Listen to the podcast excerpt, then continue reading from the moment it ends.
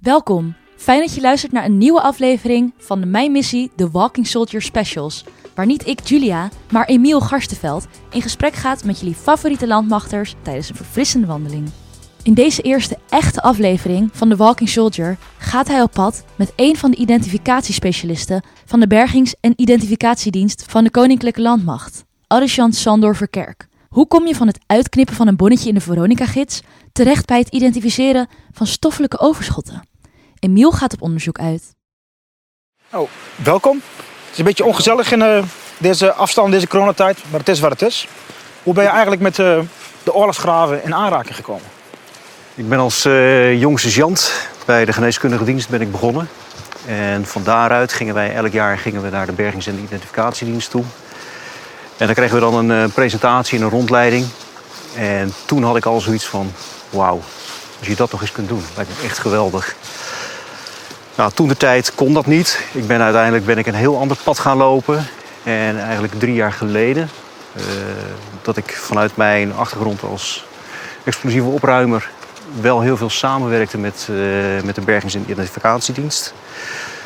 Uh, kreeg ik de vraag van, joh, wil je het nog steeds? Ik zie iets van, oké, okay. werd ik eigenlijk een beetje door overvallen. Maar toen heb ik dus de gelegenheid gekregen en die heb ik, die heb ik gepakt. En zo ben ik uiteindelijk hier bij, uh, bij de Bergings- en Identificatiedienst terechtgekomen. En zodoende dus in aanraking met de oorlogsgraven. Maar dat betekent dat je een aardige carrière bij Defensie hebt? Ja, in 27 jaar een hoop dingen gedaan uh, inmiddels. Ja. En wat is eigenlijk de beweegreden dat je überhaupt bij Defensie mag komen werken?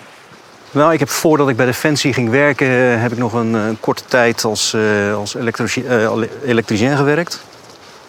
En ik had toen een maat en die had in Libanon gezeten. En uiteindelijk uh, hadden we een klus op het ministerie van Defensie in Den Haag. En daar moesten wij dan een datanetwerk aanleggen. En toen werden daar de nieuwste folders van de luchtmobiele brigade werden daar neergelegd. En ja, in één keer heb je het.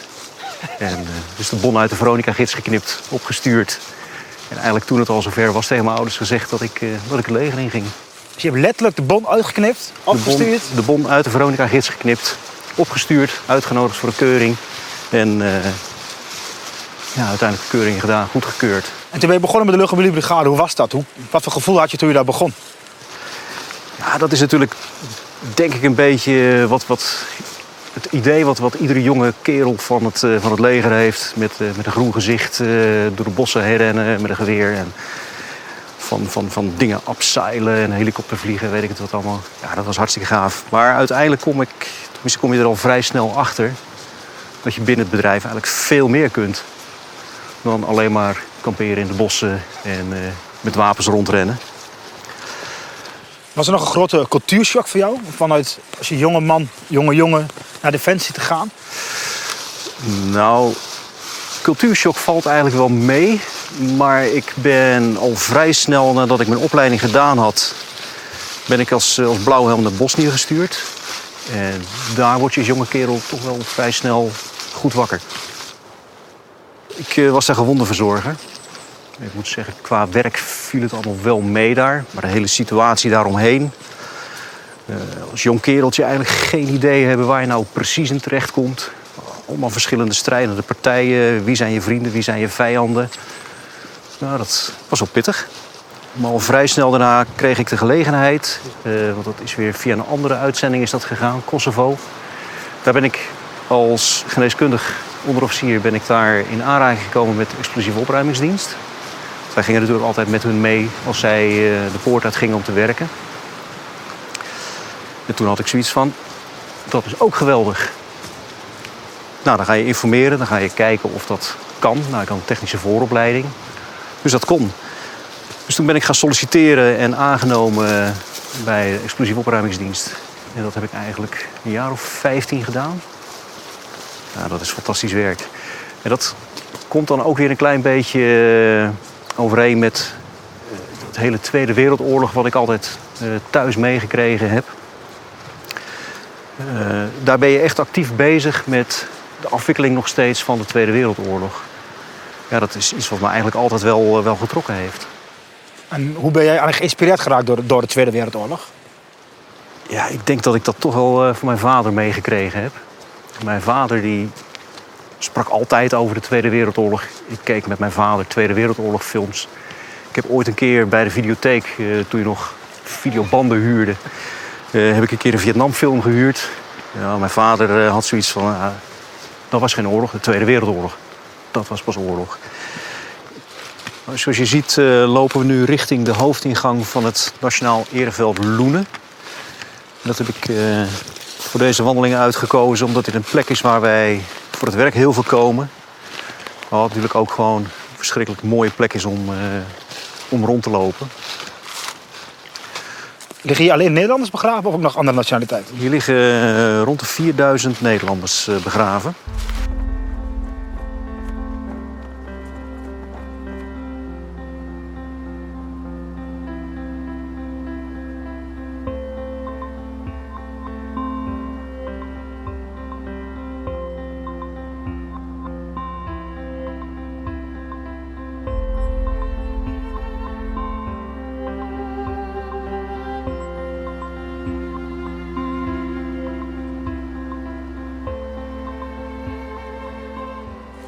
En hoe uh, identificeren jullie uh, personen willen jullie opgraven? Hoe weten jullie waar hij vandaan komt of wat dat is?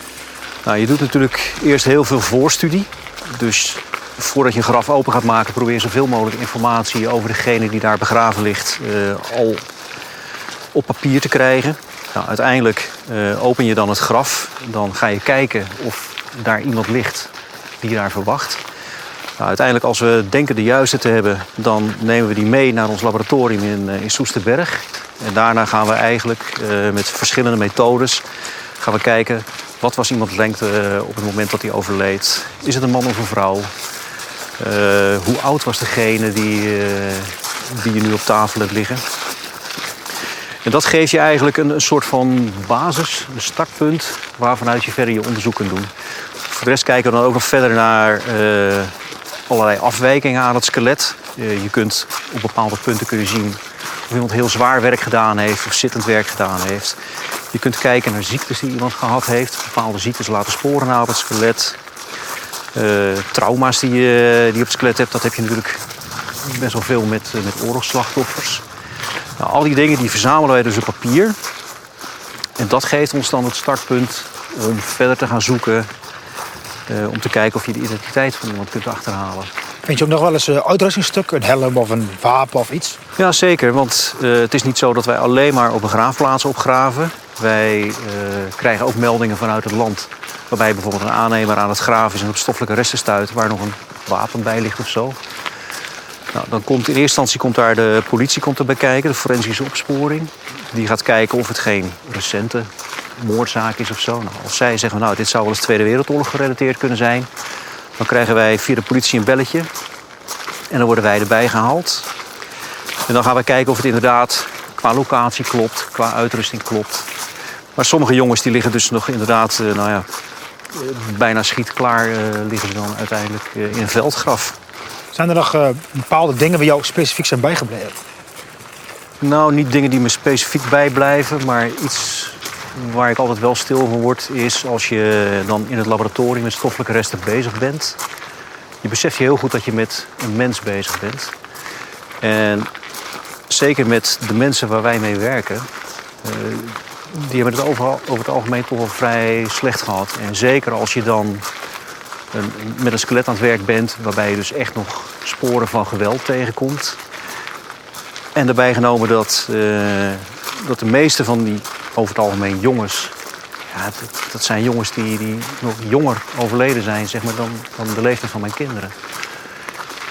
En dat is toch wel iets waar, je, ja, waar ik nog steeds wel stil van word.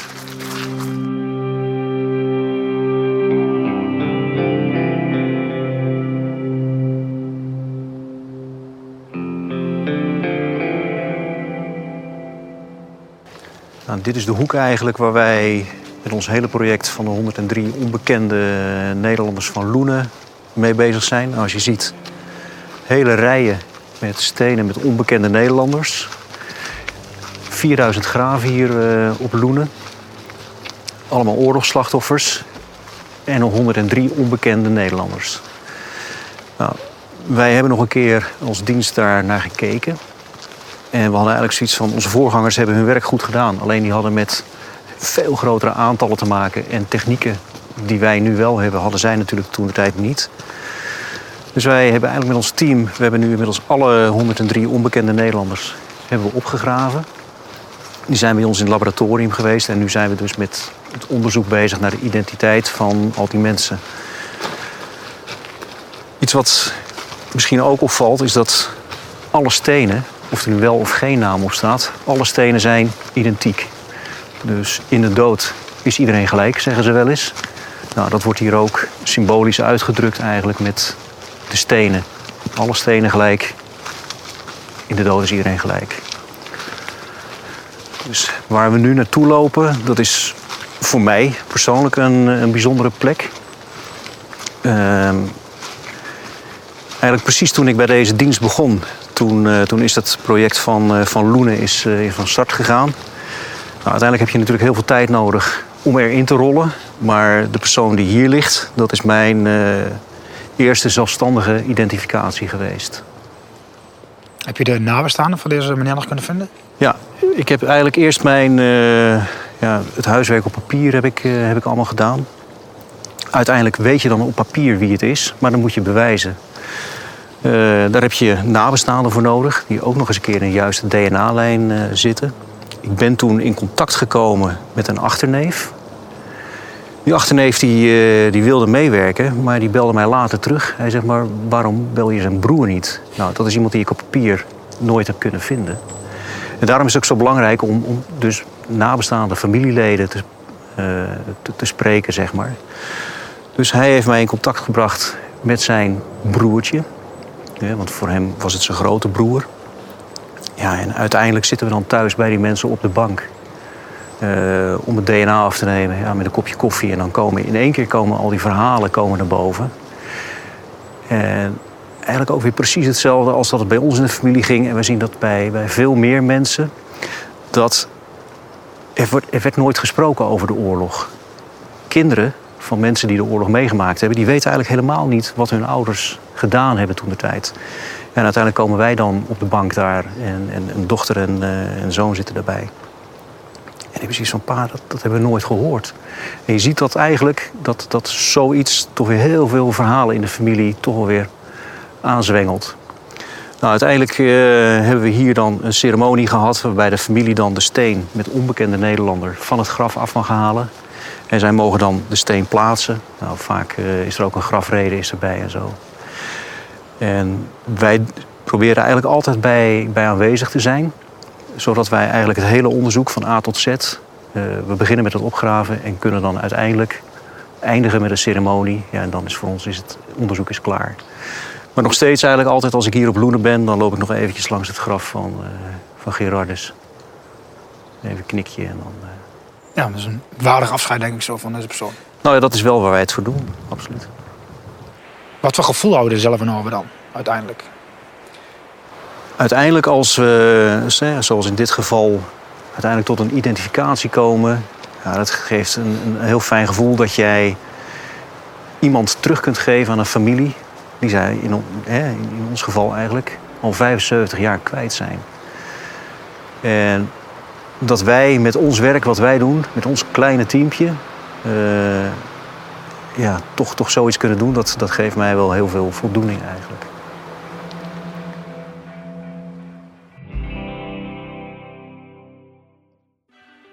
Op YouTube is The Walking Soldier ook fysiek te bekijken. Vergeet je niet gelijk te abonneren op ons kanaal, zodat je altijd up-to-date bent van de nieuwste landmachtcontent.